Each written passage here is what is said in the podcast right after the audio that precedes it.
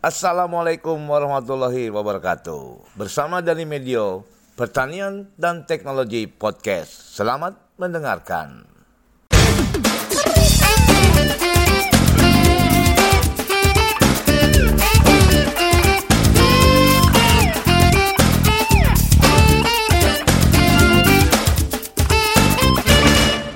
Oke, Sobat Tani yang ada di seluruh Indonesia, kembali bersama Dani Medio di podcast pertanian dan teknologi. Kali ini banyak permintaan yang ingin mengetahui tentang sumber daya genetik yang pernah saya sampaikan tentang sumber daya genetik bersama Kapus PPPT yaitu Profesor Dr. Erida Jamal. Kemudian saya juga pernah mengangkat uh, sumber daya genetik dari Kalimantan Tengah yaitu uh, padi siam epang dengan Ibu Dr. Susi dan kali ini saya akan mengangkat uh, tentang sumber daya genetik dari Provinsi Banten tempatnya tepatnya mungkin saya baru baca dari uh, berita bahwa ini dari uh, Pandeglang. Kalau saya salah tolong nanti dikoreksi. Narasumber kedua kali ini adalah Ibu Jurede Yusak dan Ibu Pepi yang keduanya adalah peneliti dari Balai Pengkajian Teknologi Pertanian Provinsi Banten.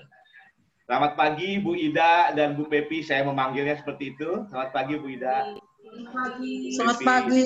Uh, Assalamualaikum. Wah, Ibu. Nah, dan saya juga sekarang didampingi oleh uh, partner saya, uh, partner saya Ibu Ume Humaida yang yang akan nanti menemani untuk uh, berdiskusi di pagi hari ini uh, walaupun di masa uh, pandemi COVID-19 uh, eh, dan saya kebetulan sebagai penyuluh pertanian bersama Ibu Umi Humaida ingin sekali mengangkat materi-materi uh, uh, yang betul-betul dibutuhkan oleh petani di luar sana Bu Ida dan Bu Pepi. Nah, sumber daya genetik itu uh, sangat penting untuk mengangkat perekonomian uh, masyarakat di daerah itu sendiri. Dan itu kalau berkembang itu bisa bisa menjadi uh, plasma nutfah yang uh, punya nilai Uh, saya baik ingin bertanya kepada Ibu Ida atau Bu Pepi, kenapa sih SDG uh, eh, yang diangkat oleh Banten, terutama SDG Tales Beneng, ini udah dikenal oleh masyarakat loh. Bisa cerita nggak tentang Tales Beneng ini? Uh, ya. Ibu Ida atau Bu Pepi yang akan menjawab? Ya, terima kasih. Saya dulu ya. Ya, silakan Ibu Ida. Terima kasih Pak dan Mbak Umi. Jadi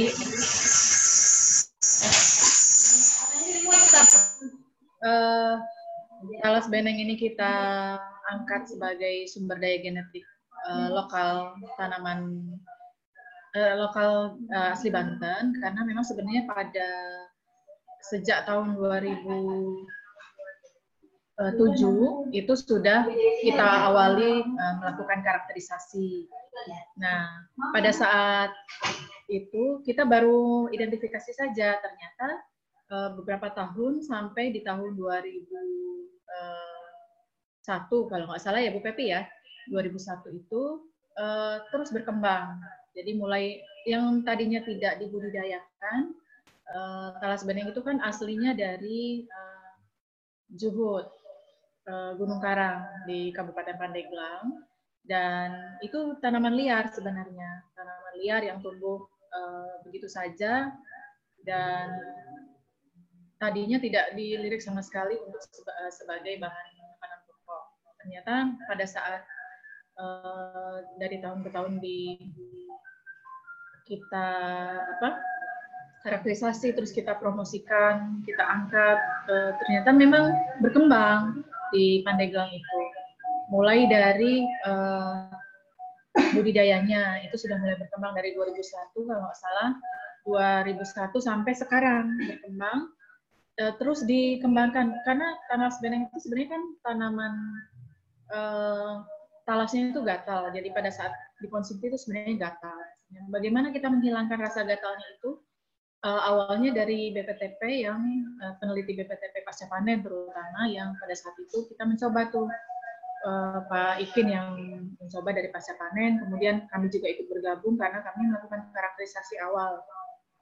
Nah setelah itu banyak dari uh, instansi lain, kemudian dari swasta, bahkan dari petani lain juga uh, ingin mencoba mengembangkannya.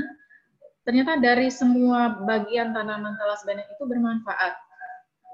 Dari talasnya untuk dikonsumsi, kemudian uh, daunnya saat ini tuh. Dari tahun ke tahun terus berkembang dan sampailah pada saat kami memutuskan untuk uh, oke okay, kita lakukan pendaftaran agar tidak pendaftaran varietas lokal agar tidak uh, diambil oleh uh, uh, apa pihak lain. Jadi kita daftarkan di 2017, kemudian 2019 akhir kemarin kita uh, sidang pelepasan.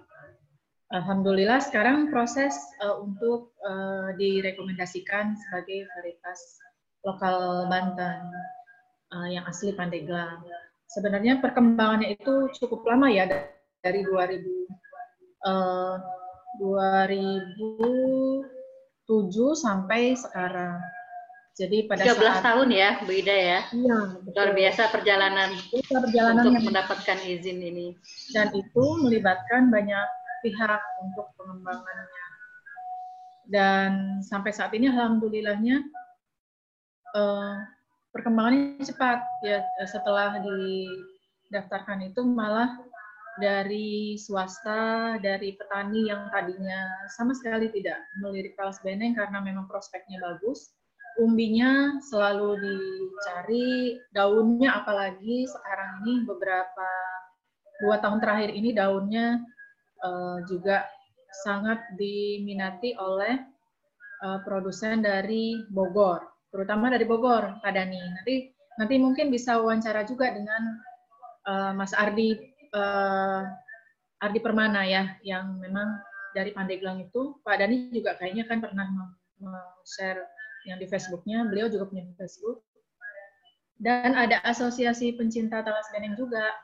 Jadi nanti bisa juga kenalan kalau memang petani-petani lain ingin uh, apa namanya mendapatkan informasi lebih lanjut untuk pengembangannya bisa langsung ke sana. Karena kalau kami di BPTP kepentingannya adalah untuk menyelamatkan. Ya tugas kami untuk menyelamatkan SDG lokal, kemudian bagaimana perkembangannya saat ini sangat-sangat uh, baik dan mungkin ke depan uh, ini akan menjadi uh, varietas lokal yang uh, terus berkembang. Karena sampai saat ini Eh, menurut pengakuan dari teman-teman di Pandeglang, terutama Pak Ardi dan kawan-kawan, mereka sudah melakukan uh, ekspor ke Australia, kemudian kalau yang di dalam negerinya itu ke Jember untuk umbi 50 ton per bulan, dan kalau yang ke Bogor daunnya. Untuk uh, bahan baku tembakau. Eh, dan ada juga yang untuk pekan kalau yang uh, pengolahannya lebih lebih lanjut. Karena kita memang di Banten kan tidak ada untuk pengolahan jadi uh, bahan bakunya dari Banten tapi uh, diekspor atau dikirim juga ke produsen yang ada di luar Banten mungkin itu karena memang perjuangannya panjang ya kita juga tidak dari tahun ke tahun tuh tidak merekod uh, petani mana saja yang mengembangkan. Yang jelas setiap tahun itu bertambah, luas tanamnya tambah uh, untuk talas beneng dan uh, yang liar juga masih dipertahankan karena memang ada produsen yang minta talas beneng yang uh, liar, tidak hanya budidaya. Jadi ada yang liar tetap dipertahankan, yang budidaya juga berkembang. Mungkin itu yang yang bisa saya sampaikan untuk ininya ya nanti diskusinya. Banyak sekali pihak yang terlibat, uh, bahkan pada saat kita mempromosikan BP2TP juga kan ikut terlibat ya teman-teman untuk uh, untuk mengangkat telas beneng. Terima kasih nih juga. Jadi promosinya uh, dari seluruh Indonesia juga alhamdulillah responnya bagus. Mungkin itu ada nih. Wah, memang ternyata benar ya jadi Ibu Umi, saya tidak tidak apa namanya akhirnya sekarang bahwa sekarang BPTP memang menyelamatkan plasma nutbah ya sebenarnya gini. Yeah. Ternyata berkembang. Kemudian dikenal oleh masyarakat. Nah, ini mungkin Bu Pepi ada tambahan Bu Pepi sebelum saya nanti dengan Bu Ume ingin bertanya lebih. Silakan Bu Pepi. Terima kasih Mbak Ume dan juga Pak Di. Jadi ada beberapa hal yang memang harus kita sebenarnya ingin saya sampaikan terkait dengan talas beneng. Kenapa sih sebenarnya talas beneng ini menjadi penting? Ya, tadi kan pertanyaannya seperti itu. Yang pertama, kalau kita lihat dari sisi adaptasi terhadap lingkungan, ini sangat tinggi nih. Karena memang talas beneng ini spesifik lokasi tadi sudah dijelaskan oleh Bu Wida di eh, sekitar Gunung Karang. Jadi tidak hanya Juhut saja, tetapi sekitar Gunung Karang. Nah ini sekitar Gunung Karang ini meliputi sebenarnya beberapa kabupaten. Paling tidak ada dua kabupaten, yaitu Kabupaten Serang dengan Kabupaten Padang. Kalau Kabupaten eh, Serangnya daerah Ciomas, pada Rincang ya seperti itu. Nanti ke arah eh, sampai dengan ke arah Pandeglangnya, Juhut, terus Mandalawangi dan lain-lain yang memang terlewati oleh Gunung Karang. Itu memang eh, awal mulanya dari Beneng itu liar ada di uh, gunung sekitar Gunung Karang. Nah, jadi memang kita bisa meyakinkan kalau ini spesifik lokasi dari Banten gitu, dari Banten. Tapi yang kita yang kita memang rilis kemarin itu talas beneng yang memang dari Juhut gitu ya karena memang yang kami temukan pertama kali ada di Juhut. Yang kedua, yang ke keuntungannya yang kedua kalau kita lihat adalah dari sisi budidayanya ini sangat mudah. Cek orang Sunda mah dialungkeun ge jadi jadi eh, karena saking mudahnya ketika akan menanam padani itu sisa-sisa dari kupasan ubinya itu bisa langsung disebar bisa langsung jadi sebenarnya sangat mudah jadi dari sisa-sisa yang umbinya juga ketika lempar udah langsung jadi gitu tidak membutuhkan pemupukan yang banyak tidak membutuhkan perawatan yang optimal dan lain-lain itu sudah sangat mudah sekali. Yang ketiga dari sisi ini nih ada keuntungannya, dia itu termasuk salah satu tanaman yang tahan naungan. Jadi bisa ditanam di eh, tanaman di lokasi lahan campuran gitu, Mbak Ume dan Pak Dani. Sangat menguntungkan ketika misalnya kita mempunyai eh, lahan yang memang ada tegakan di atasnya, di bawahnya bisa kita tanam dengan uh, talas beneng.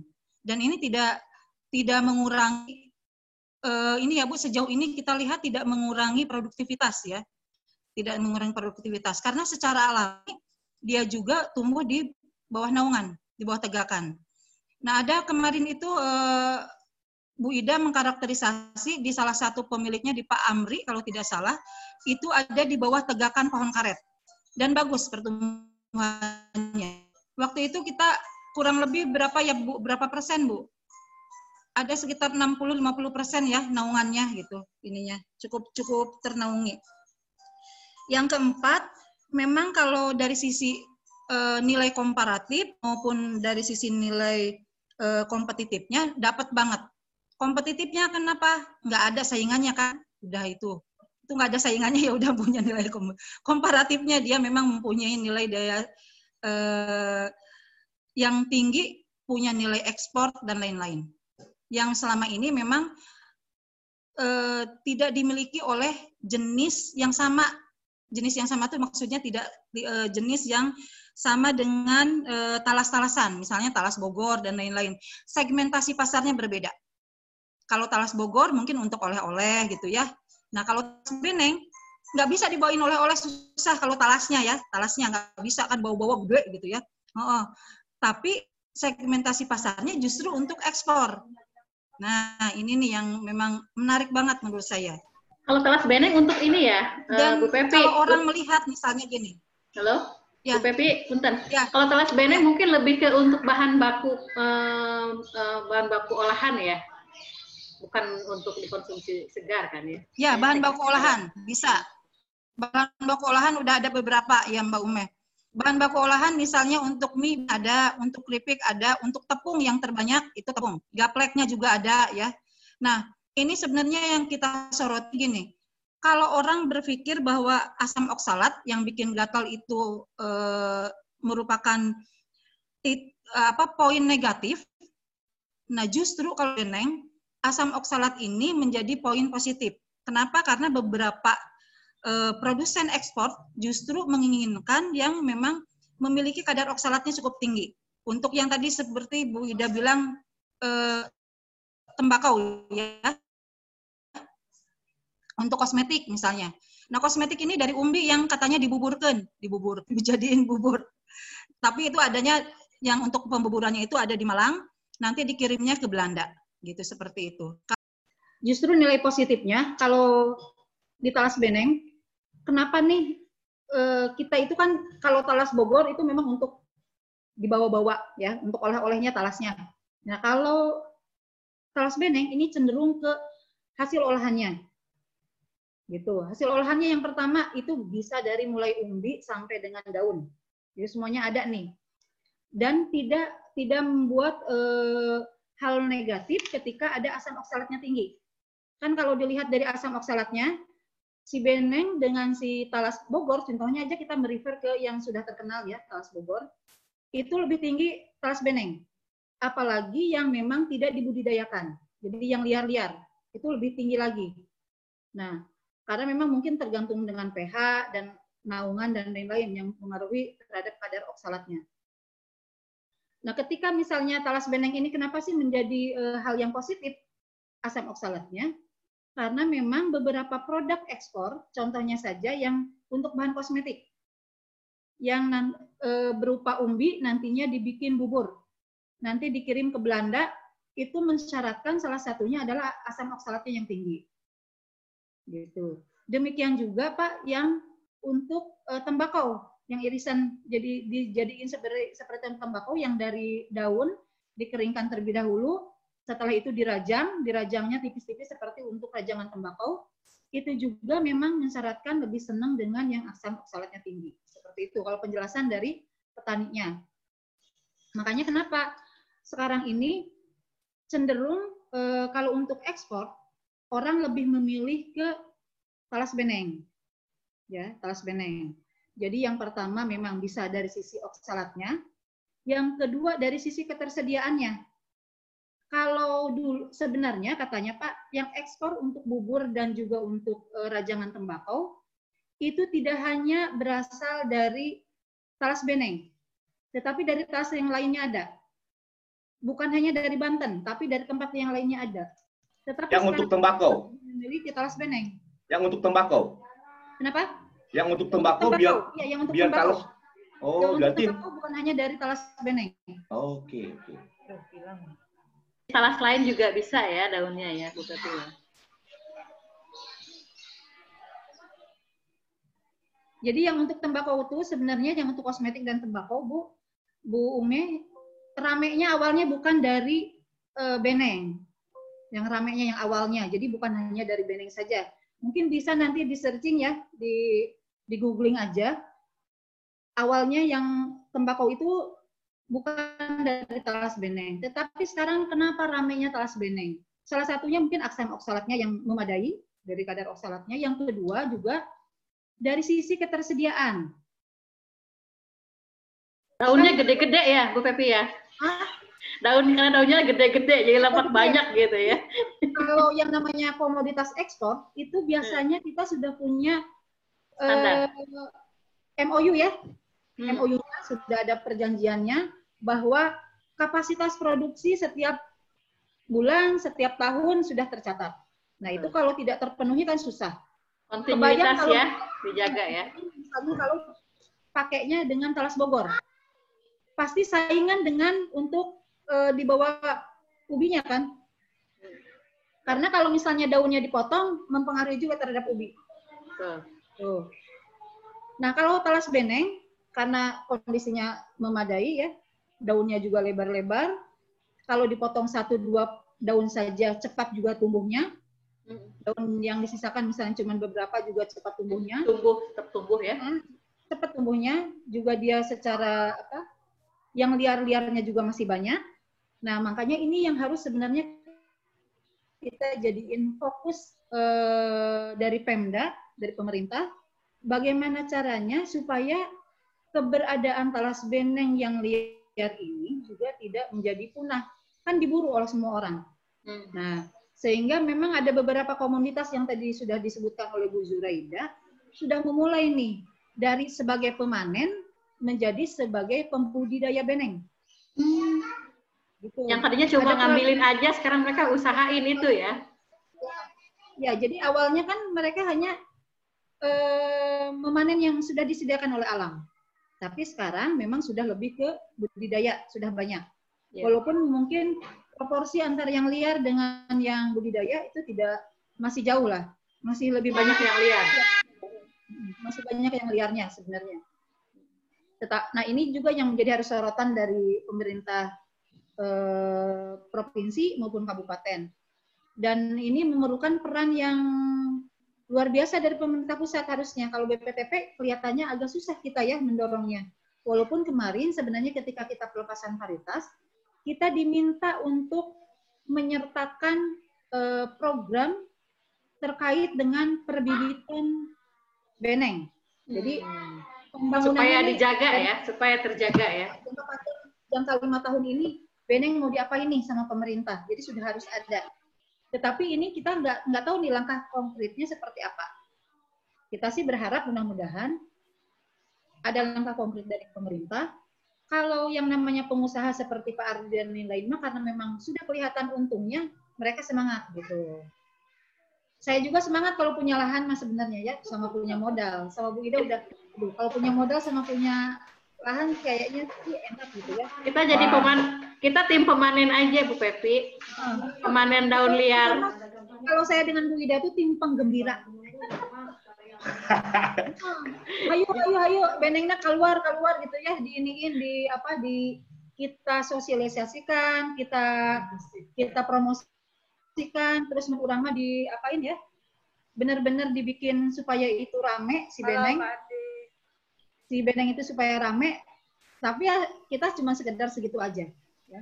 Benefitnya ke kita tulisan juga belum banyak sebenarnya ya. Benefitnya belum belum belum banyak tulisannya. Nah, Nah, eh, yang jadi ini juga Pak Pak Dani dan Mbak Ume bahwa ini saya harus pakai kacamata dulu ya sebentar ya. Penyebaran benih atau bibit ini memang harus dijaga dengan baik. Ya. Jadi memang harus sudah mulai kita pikirkan nih bagaimana supaya penyebaran bibit dan benihnya itu eh, terjamin bibitnya yang disebarkan juga terjamin. Tadi seperti misalnya Pak Dani ngomong nih, ada yang tertarik di Karawang. Nah ini bagaimana supaya memang benar-benar terjamin kualitasnya. ya Bersertifikat kita pengennya. Karena ternyata eh, waktu kami mengkarakterisasi kemarin, wawancara dengan petani, ini yang di Aceh sudah ada yang nanam. Bibitnya dari Pandeglang. Tapi tidak tidak tercatat gitu ya di Lampung juga demikian, Pak Ardi bilang ada, tapi tidak tercatat, tidak tercatat uh, oleh pemerintah maksudnya ya, tetapi hanya berdasarkan omongan dari petani bahwa itu sudah tersebar di sini, sini, sini, sini. Kemarin membawanya sekian gitu. Nah seperti itu mungkin ini menjadi PR yang eh, PR kita bersama. Tidak hanya menguntungkan dari sisi yang antara misalnya keuntungan di tingkat petani, keuntungan di tingkat eh, pengepulnya gitu dan apalagi nanti sampai dengan eksportir dan lain-lainnya mungkin akan ada banyak per, perubahan atau perbedaan harga di situ seperti itu. Apalagi ya, udah kayaknya mungkin itu ya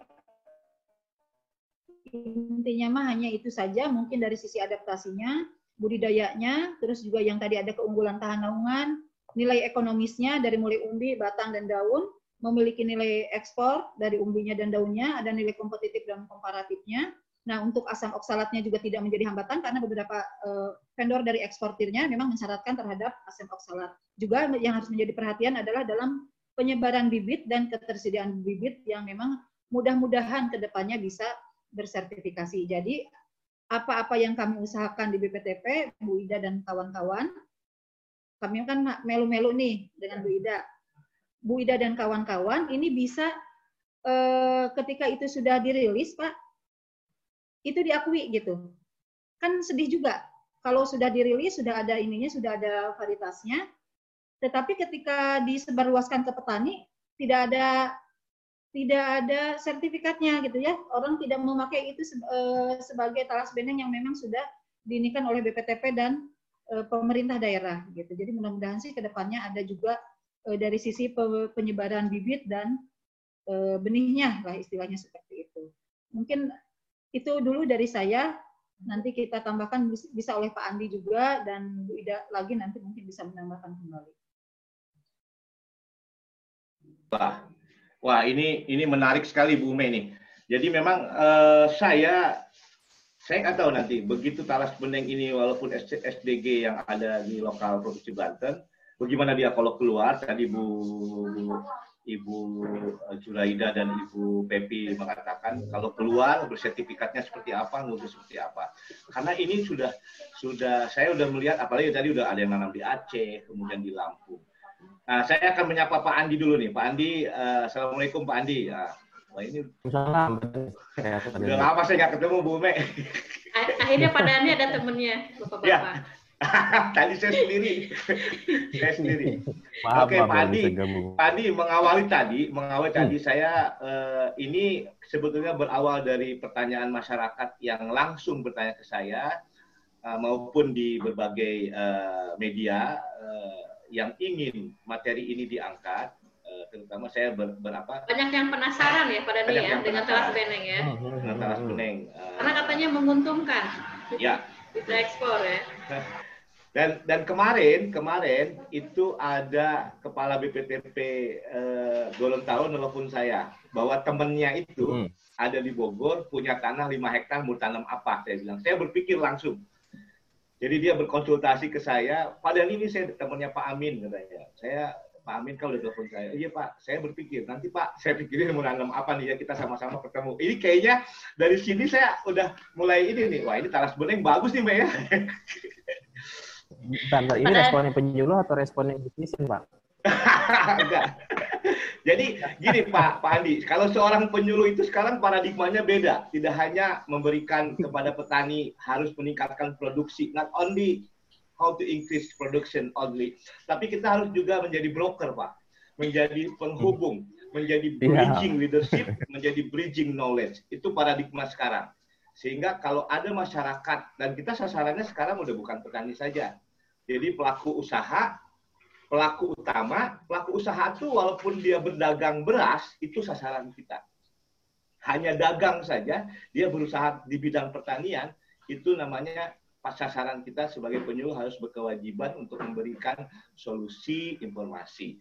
Nah, berkaitan dengan ini banyak yang nanya talas beneng nih, walaupun saya bukan ahli talas beneng, tapi saya kan bisa menghubungkan kepada ahlinya seperti Pak Andi, yang ada di BPTP, Ibu Pepi, dan Ibu Zuraida. Dan saya tidak salah, pasti saya mendapatkan orang yang tepat, Bu Ume ya.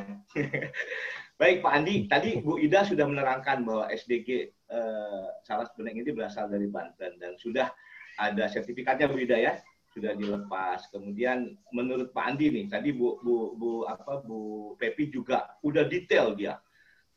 Manfaatnya tuh banyak banget gitu di talas beneng itu. Selain buahnya yang gede yang walaupun tadi kadar oksalatnya bukan tinggi bukan buah Pak Dani umbi. Umbi sorry sorry. Nah itu kan saya bukan ahlinya talas ya.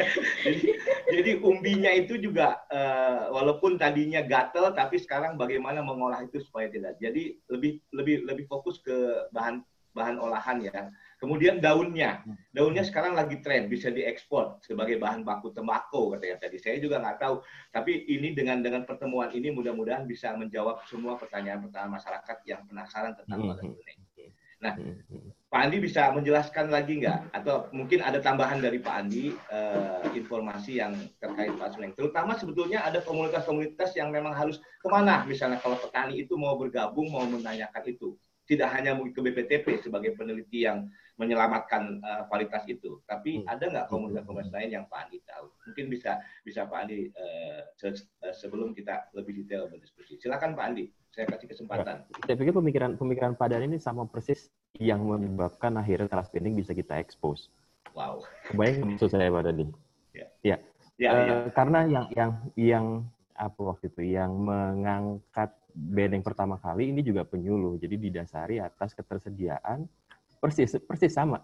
Ketersediaan sumber daya yang ada, yang potensial, yang bisa dimanfaatkan untuk masyarakat, kemudian dicarikanlah eh, menjadi jembatan untuk mencarikan pasar, gitu. Nah demikian, ketika itu tumbuh, akhirnya produksi meningkat, aktivitas masyarakat meningkat, dan menguntungkan nilai ekonominya makin makin uh, ada di situ dan teknologinya akhirnya mengikuti teknologi budidaya, penghilangan osalat, kemudian pasca panen dan seterusnya itu mengikuti itu. Jadi uh, dimulai dari inisiatif yang seperti itu, akhirnya suatu komoditi ini bisa diangkat dan makin uh, besar dan tidak menutup kemungkinan juga untuk bisa berkembang di wilayah lain. Nah, yang teman-teman kita lakukan ini kan juga sedikit banyak untuk bisa dalam tanda petik memproteksi apa yang ada dengan tetap bisa memperhatikan prinsip-prinsip pengembangannya. Gitu. Kita ingin itu berkembang, tetapi juga tetap bisa terlindungi.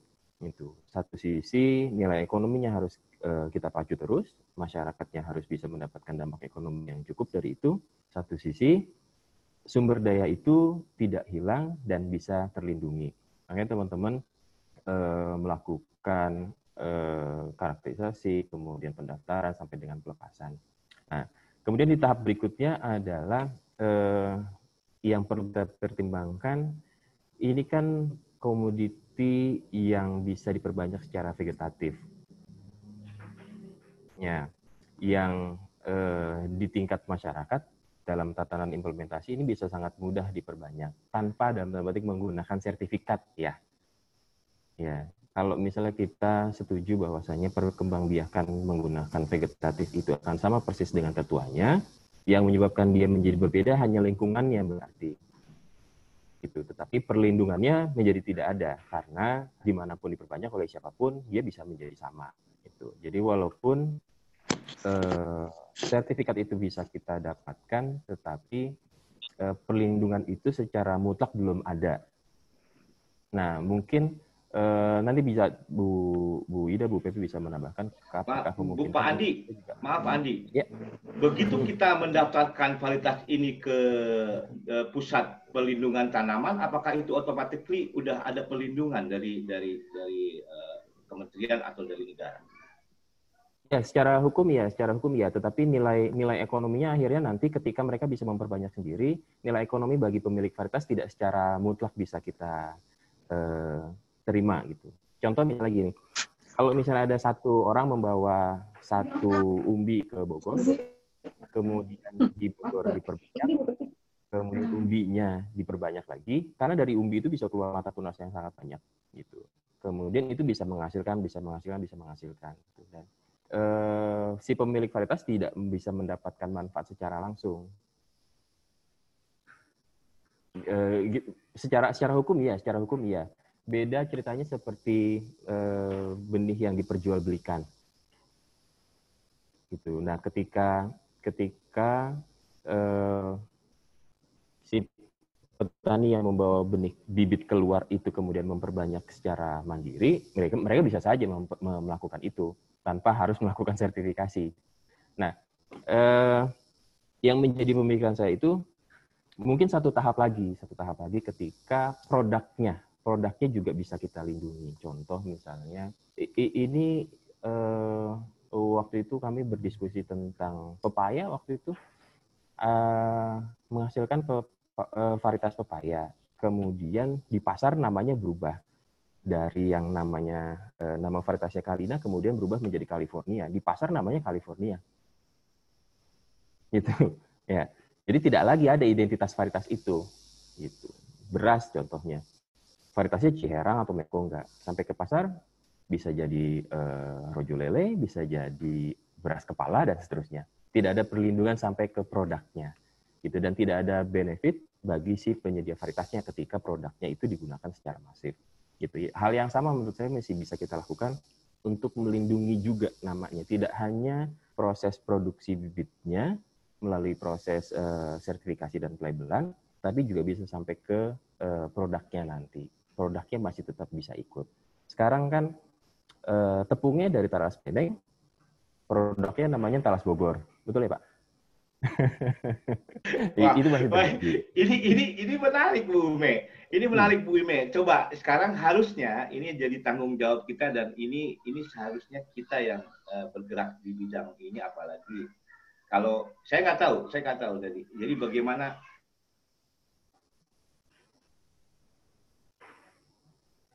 karena uh, begitu varietas lokal di daerah itu sendiri. Nah ini ini adalah bagaimana melindungi kualitas itu. Saya nggak tahu tahapannya seperti apa. Kalau orang mau bawa itu, bagaimana harus sertifikasinya, itu yang harus mungkin dipikirkan ya Pak Andi. Saya menangkap apa yang Pak Andi katakan. Ini jadi nilai ekonomi dan bisa mengangkat daerah itu sendiri. Mungkin seperti itu ya Iya, dari sisi dari sisi perli sumber daya genetiknya kita sudah sudah melakukan itu. Jadi dari sisi genetiknya sudah bisa sudah bisa kita daftar, sudah jelas identitasnya, identitasnya. Tetapi uh, berikutnya adalah bagaimana memberikan manfaat dari nilai ekonomi varietas melalui pemerintah daerah dan masyarakat. Gitu. Oke, Bu Me. Nah, ini PR loh ini. Teman-teman PR loh. Saya nggak nggak sampai ke sana mikirnya Pak Andi. Banyak ya PR-nya ya.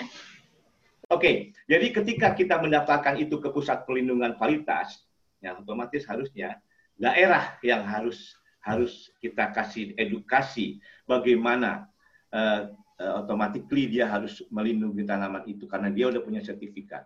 Mungkin itu yang menjadi PR kita. Kalau kita tugasnya udah selesai ya Pak Andi ya mungkin ya di, di satu sisi quote on quote kita sudah menemukan ini sudah mengkarakterisasi bahwa ini ada varietas lokal yang kita lepas. Tapi untuk menjaga itu plasma nuva, oh tidak tidak untuk kemungkinan loh. Dia bawa dari Banten, kemudian ada seorang dari luar negeri membawa itu. Kita nggak tahu kan. Sehingga dia perbanyak lagi kita menjadikan. Kalau seorang pemulia itu pasti akan mencari kayak kayak gitu. Sehingga dia menjadi membuatkan kualitas. Ya karena udah jadi bahan kosmetik, udah menjadi bahan baku tembakau, yang lain-lain. Sehingga sudah ekspor lagi sekarang. Mungkin itu. Wah, Bu Ume, ini ini ini teman-teman kita harus uh, mungkin nanti ke depan uh, kayaknya tahapan yang Pak Andi bilang tadi bagaimana mensertifikasi itu sehingga tanaman itu bisa dilindungi dan orang juga tidak sembarangan bawa. Walaupun karena kata Bu Pepi gampang banget Pak Dani itu di irisan aja bisa jadi itu. Begitu ya Pak Andi ya? Secara secara kumulatif itu uh, akan memberikan dampak yang lebih luas. Hanya nah. saja uh, ketika kita menggambar menyuburkan sumber daya lokal. Lokal itu kan berarti di daerah, jadi hmm. harus ada nilai ekonomi juga yang uh, didapatkan oleh pemerintah daerah dan pemilik varietas, gitu, supaya lebih fair apa yang dia miliki, gitu kira-kira. Itu yang saya pikirkan tadi, bagaimana seorang apa sebuah uh, varietas lokal yang bisa memberikan nilai ekonomi kepada mas, uh, daerah itu sendiri. Bu Me ada pendapat nggak? Bagaimana kita ya, kita uh. betul Pak Dani saya mungkin ini mengibaratkan semacam ini ya kalau penulis itu ada royalti ya Pak Andi. Ya. tidak asal camat tidak asal fotokopi gitu kan diperbanyak. Karena ini ada nilai intelektualitas ya. Artinya dalam hal ini dalam hal SDG adalah uh, bagaimana uh, mungkin itu tadi pemilik varietas istilahnya ya Pak Andi. Hmm. walaupun saya terus terang aja masih belum begitu banyak paham tuh bagaimana kaitannya mungkin uh, kalau apa ya namanya uh, nilai nilai ekonomi yang diperoleh dari apa ya seseorang atau lembaga yang memiliki tanda petik uh, apa ya pemilik lah pemilik sebuah misalnya varietas baru atau apa itu saya terus terang aja masih masih belum ini ya kalau varietas ya ada di Litbang sendiri mungkin yang yang kita banyak tahu royalti itu banyak yang kalau varietas agak jarang saya dengar ya. Tapi kalau kayak produk-produk misalnya pupuk kemudian biopestisida ketika itu di karena yang memperbanyak itu adalah apa namanya eh, swasta misalnya itu akan lebih lebih mudah tertelusur gitu ya. Tapi kalau ketika varietas atau padi agak susah ya kecuali jagung. Jagung hibrida mungkin kita udah ume, banyak mati, tahu. halo? Iya? Iya. Uh, uh, yang, yang saya tahu ya uh, jagung hibrida mungkin ya yang yang diperebutkan oleh swasta uh, itu. Nah ini yang terkait sumber daya lokal ini saya juga uh, mungkin ya betul perlu upaya-upaya tertentu ya bagaimana ini lebih ter apa ya namanya ya lebih teratur ya pengembang penyebaran ini. Tadi kan uh, Bu Pevi juga cerita kalau sekarang itu banyaknya misalnya oh ada dari Aceh nyari googling mungkin ada yang jual secara online bibit talas beneng dijual gitu oleh petani. Sementara mungkin dari Pemda sendiri belum ada nih upaya yeah. belum ada ya, atau mungkin belum optimal ya bagaimana mekanisme uh, penyebarannya ini gitu. Tapi nah, bagus ya uh, dari sisi ya uh, bagus dari sisi penyebaran karena manfaatnya tadi banyak banget ya manfaatnya hmm. banyak uh, nilai ekonominya juga baik nggak diapa-apain juga dia tumbuh gitu kan seneng yeah. banget nih punya tanaman kayak gini kan nah ini uh, sebenarnya dikembangkan di tempat lain itu akan akan bagus ya gitu cuma ya itu tadi bagaimana nih menjaga supaya si uh, Banten ini juga memiliki apa ya namanya mendapatkan nilai manfaat lebih dengan menyebarkan salas bening ini. Nah ini pada di PR-nya nih. nah ini. Uh, yang, Bu ya. kayaknya mau kayaknya ya, oh, ada yang sedikit mungkin saya uh, menambahkan sedikit ya yang disampaikan Pak Andi sepakat karena kar, uh, sebenarnya kalau kita tugas kita kan sebenarnya hanya uh, pendaftaran, kemudian pelepasan. Nah, untuk perlindungan varietas lokalnya sendiri sebenarnya kan belum ya. Artinya uh, belumnya itu pada saat uh, dia tersebar, bibitnya bisa ditanam di mana saja. Uh, untuk perlindungan asli lokal Bantennya itu juga nggak uh, tahu gimana uh, itu harus ada harus ada apa ya kebijakan khusus atau apa gitu? Pak Andi nanti ngomong ya. Uh, bagaimana melakukan perlindungannya itu mungkin concern kita ke situ. Kalau untuk perkembangan yang saat ini menjadi permasalahan sebenarnya ada satu yang paling urgent, recordnya, record uh, pencatatan, pencatatan dari uh, si pengembang, misalnya petaninya. Setiap tahun itu pengembangnya, petani pengembang yang tadinya bukan petani kemudian jadi petani pengembang talas beneng itu semakin tambah, tambah setiap tahunnya, tapi tidak terrecord tidak terdata secara uh, apa tidak terdata dengan detail oleh pemerintah terutama untuk bisa kita tahu siapa saja pengembangnya. Jadi kita harus menjemput bola kalau untuk mendapatkan informasi tersebut. Kita harus ke BPP misalnya atau ke penyuluh atau ke petugas lapang yang ada di daerah untuk bisa atau ke, uh, pengembangnya sendiri. Misalnya kalau uh, untuk uh, tingkat ekspornya sudah tercatat sampai ke mana saja itu saya baru mendapatkan dua dua eh, Pak Ardi sama uh, Pak Dudi Pak Ardi dan kawan-kawan ya mereka kan ada timnya nah Pak Ardi sekarang tuh Bu Ida uh, sorry ya saya potong Bu Ida bisa ada nomor kontaknya Pak Adi itu ada ada nanti saya kasih Pak okay. Dani ya nanti sebutkan di sini supaya juga ini ini kalau Pak oh. Erija ada di sini keren banget Bu Ume ya. Eh, gimana gimana? Kalau ada Pak Erija Jamal sebagai oh. kapus PPPT ngobrol di sini keren banget. Mudah-mudahan oh. ini didengar oleh. Enggak. Saya gini, gini. Uh, Pak, Pak Kapus kan sibuk. Saya pernah wawancari dia juga Baik. di podcast ini. Yeah. Uh, mudah-mudahan nanti ini podcast ini saya akan kasih linknya. Kemarin juga yang SDG Siam Epang saya kasih ke Bu Maesti, Bu Maesti langsung Pak Erija itu dengarkan. Ini saya akan ya. nanti kasih ke Pak Erija untuk mendengarkannya. Saya paksa ya. untuk dengerin dia. Oke, silakan Bu tidak terus. Ya, uh, jadi pengembangnya itu sebenarnya petani uh, misalnya gini, contoh kasusnya sekarang Pak Ardi Maulana, uh, beliau ini sebenarnya kan uh, pekerja buruh pabrik tadinya ya. Ternyata pada saat dia punya lahan, bisa menanam talas beneng walaupun liar, punya rumah di Pandeglang, jadi bisa jadi lahan kecil pun bisa jadi tempat penampung kan. Nah dari dia jadi penampung awalnya pengumpul lah pengumpul pengumpul awalnya. Nah sekarang jadi um, pengekspornya karena dia sudah bisa bekerja sama dengan yang punya mesin um, pencacahnya Uh, kemudian uh, dia bisa mengambil dari beberapa petani uh, yang memang punya lahan luas untuk uh, bisa dan yang di uh, Juhud juga sebenarnya yang awalnya Pak Juliana itu.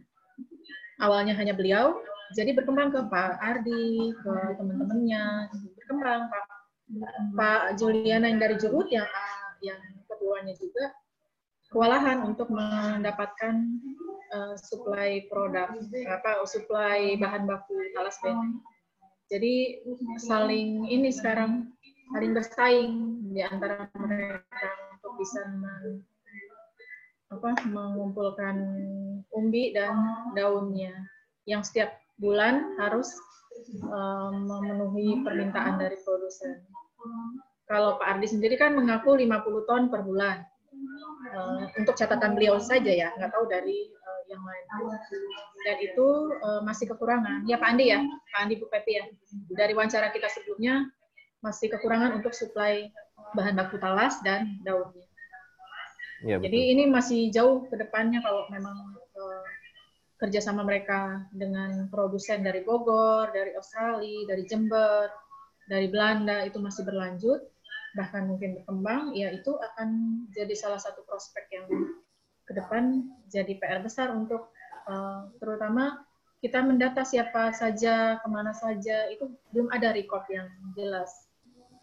Jadi selama ini kita menjemput bola saja Pak Dani untuk mencari data-data tersebut melalui Pak Juliana, melalui Pak Ardi, melalui teman-teman PPL, Pak Dudi dan lainnya. Mungkin itu. Enggak Pak Pak Andi, Pak Andi atau Bu Ida atau Pepi, ya nomor teleponnya atau kontaknya oh, iya, Pak iya. Adi dan Pak Juliana bisa disebutkan. Saya sebutkan di sini, di sini ya. Enggak apa-apa, enggak apa-apa sebutkan. Okay. Karena nanti akan Pak Ardi Maulana, Pak Ardi Maulana, yang dari uh, Pandeglang 0852 0852 196 196 90 518 518 Oke, Ardi Maulana ya? Ya. Oke. Pak Juliana 0813 0813 dua satu kosong dua satu kosong tiga kosong tiga kosong sembilan delapan delapan. sembilan delapan delapan. Itu Pak Juliana ya petani ya. Sobat Tani dua narasumber yang bisa eh, teman-teman uh, hubungi nanti itu adalah Pak Adi dan Pak Juliana. Nomor teleponnya tadi sudah disebutkan. Mudah-mudahan teman-teman mendengarkan ini dan bisa mencatat. Dan kita sebagai uh, uh, apa tugas yang bisa menghubungkan teman-teman sobat tani yang ingin ber, berbudidaya ke Palas Beneng. Pak Andi ada tambahan? Uh, mungkin tadi sudah disampaikan sama Bu Pepe atau Bu Zurida bahwasanya talas beneng ini juga punya potensi sebagai substitusi tepung. Ya, jadi ketika ketika ini dikembangkan dan dijadikan program yang lebih besar, tentunya kebutuhan bahan bakunya makin besar dan kita tidak menutup kemungkinan untuk memperluas uh, wilayah produksi di luar Banten. Itu Pak Dani. Oke, Pak Andi. Pak Ibu Pepi, Ibu Dokter Pepi ada tambahan?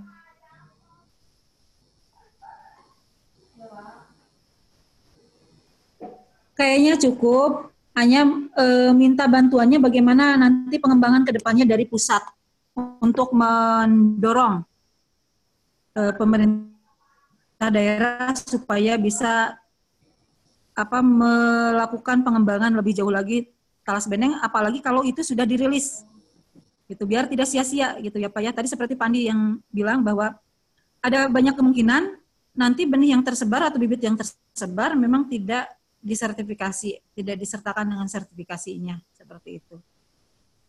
Wah, itu itu PR kita ya. Mudah-mudahan teman-teman obrolan ini bermakna. Terus tadi Pak, Ume, ini juga Pak uh, Pak Dani eh, sebagai penyuluh, bagaimana caranya supaya eh, petani beneng ini bisa masuk ke dalam seperti padi gitu loh, eksis kelompok taninya sudah terekod. Gimana nih caranya supaya tadi masalah-masalah yang Bu Ida sampaikan, pencatatan dan lain-lain itu bisa kita tahu bahwa memang ada real petani talas beneng gitu. Okay. Apa memungkinkan eh, seperti padi lah gimana padi? Okay. Nah, jagung ini, kan sekarang ya, jagung ya. juga udah oke okay ya. Awalnya kan jagung di kami juga sama nih, hmm. tidak te, tidak terorganisir dengan baik untuk jagung. Nah sekarang Betul. Uh, kita punya PR juga untuk beneng. Karena komunitasnya sudah ada, Bapak bisa mengunjungi juga tuh Facebooknya. Kalau di Facebook mah rame Pak. Mohon. Kebetulan kan saya ikutan. Rame banget. Hari ini nanam 10 hektar. Hari ini uh, ada pemesanan benih dari Aceh misalnya kayak gitu-gitu. Rame. Ya. Senang lihatnya gitu ya. Tapi memang itu tidak tercatat. Dan yang di komunitas itu memang tidak ada orang pemerintahnya sayangnya. Gitu. Oke, okay. gitu. saya saya sebetulnya tahunya juga dari Facebook di sosmed bu dan teman-teman hmm. lainnya yang uh, mungkin melihat uh, akun saya. Nah, ini sebetulnya tugas kita ini Bu Ume juga teman-teman peneliti penyuluh yang ada di BPTP. Makanya waktu saya wawancara Ibu Susi, Dokter Susi tentang siam Mepang, ada nggak eh, BPTP mengajarkan, bukan mengajarkan, memberi edukasi tentang satu pertama karakterisasi mengidentifikasi SDG yang ada di lokal. Penyuluh juga harus diajarkan itu bagaimana mengkarakterisasi itu, sehingga dia berlomba-lomba akan bersemangat bahwa kalau nilai uh, nilai ekonomi atau dari satu kualitas lokal itu itu pasti ada akan. Nah dari situ sebetulnya bisa membentuk kelompok-kelompok tani tersebut. Tidak hanya mari kita sama-sama dari BPTP juga penyuluhnya nih. Saya nggak ada penyuluh yang ikut di sini. Nanti mungkin Bu Devi, Bu Jureda bisa memberikan informasi ini berawal dari sini. Ayo kita kita edukasi penyuluh-penyuluh yang ada di uh, Pandeglang Siap. Ya.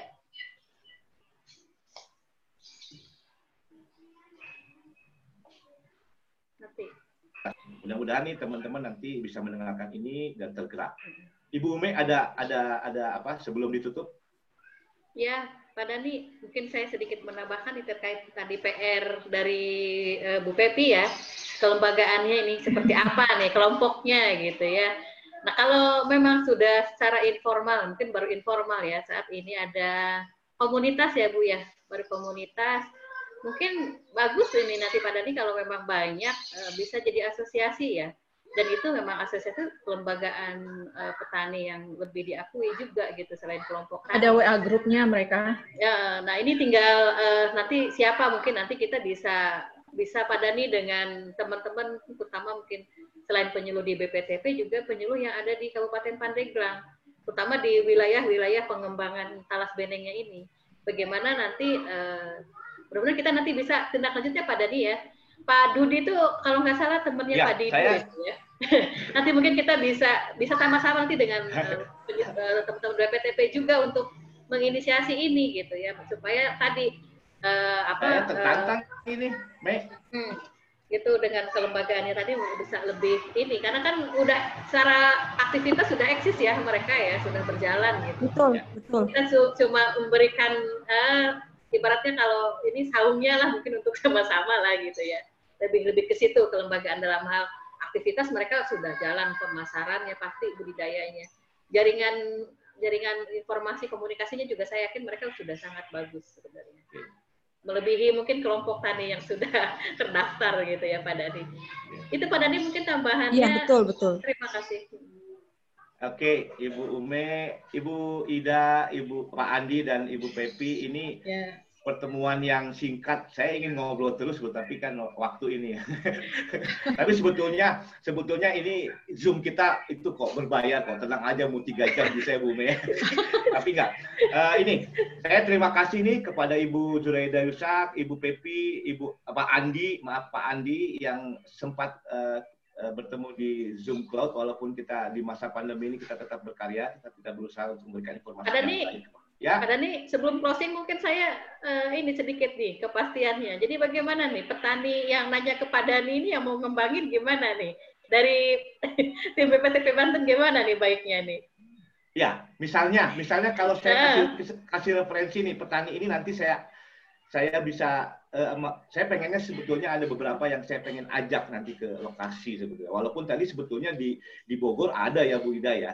Mungkin uh, menurut menurut ini kan berarti kan udah terbukti bahwa talas beneng ini bisa ditanam di luar Banten kan? Iya. Artinya agroklimatnya, agroklimatnya bisa ya Pak Andi ya, berarti udah terbukti.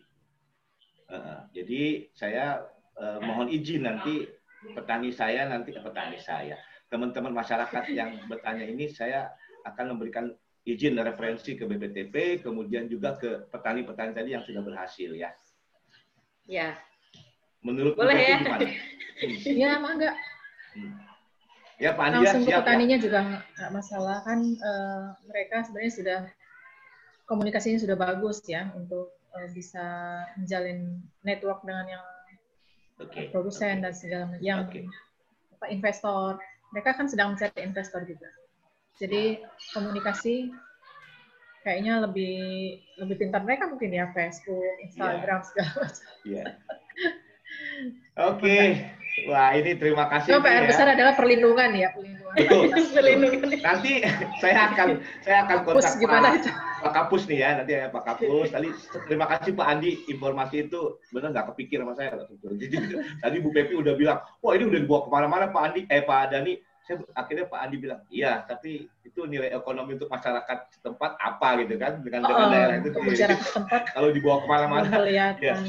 namanya talas Karena beneng masih gitu kan. Mentahnya. Iya, oke. Oke, Sobat Tani, ini obrolan singkat tapi bermakna. Mudah-mudahan ini bermanfaat bagi kita semua. Dan teman-teman di luar sana yang ingin membutuhkan informasi ini, tadi udah ada informasi tentang eh, petani yang sudah berhasil dan juga dia produsen dan juga eksportir. Mudah-mudahan nanti teman-teman memang betul yang menanyakan kepada kami, ini bisa menjawab eh, pertanyaan teman-teman, Sobat Tani di luar sana. Terima kasih Bu Ida, terima kasih Pak Andi, Bu Pepi, dan juga kasih, partner saya. Umi Humaidah yang nanti akan selalu menemani saya di podcast ini. Saya senang nggak sendiri. Baik, nanti ini akan kita siarkan di radio BPTP eh, Sulawesi Tenggara. Kemudian ini juga, juga akan disiarkan di eh, SGPFM Surakarta. Saya udah kerjasama dengan mereka. Kemudian di Spotify dan Angkor FM. Kemudian radio publik Eh, com yang uh, dari uh, Amerika walaupun kita bahasa Indonesia ya. tapi tetap disiarkan oleh dia dan Google Podcast juga akan menyiarkan. Ya. Baik terima kasih sobat terima tani. Kasih, Pak Dani. Ya terima ya. kasih sobat tani dengarkan dengarkan terus podcast saya pertanian dan teknologi. Salam pertanian.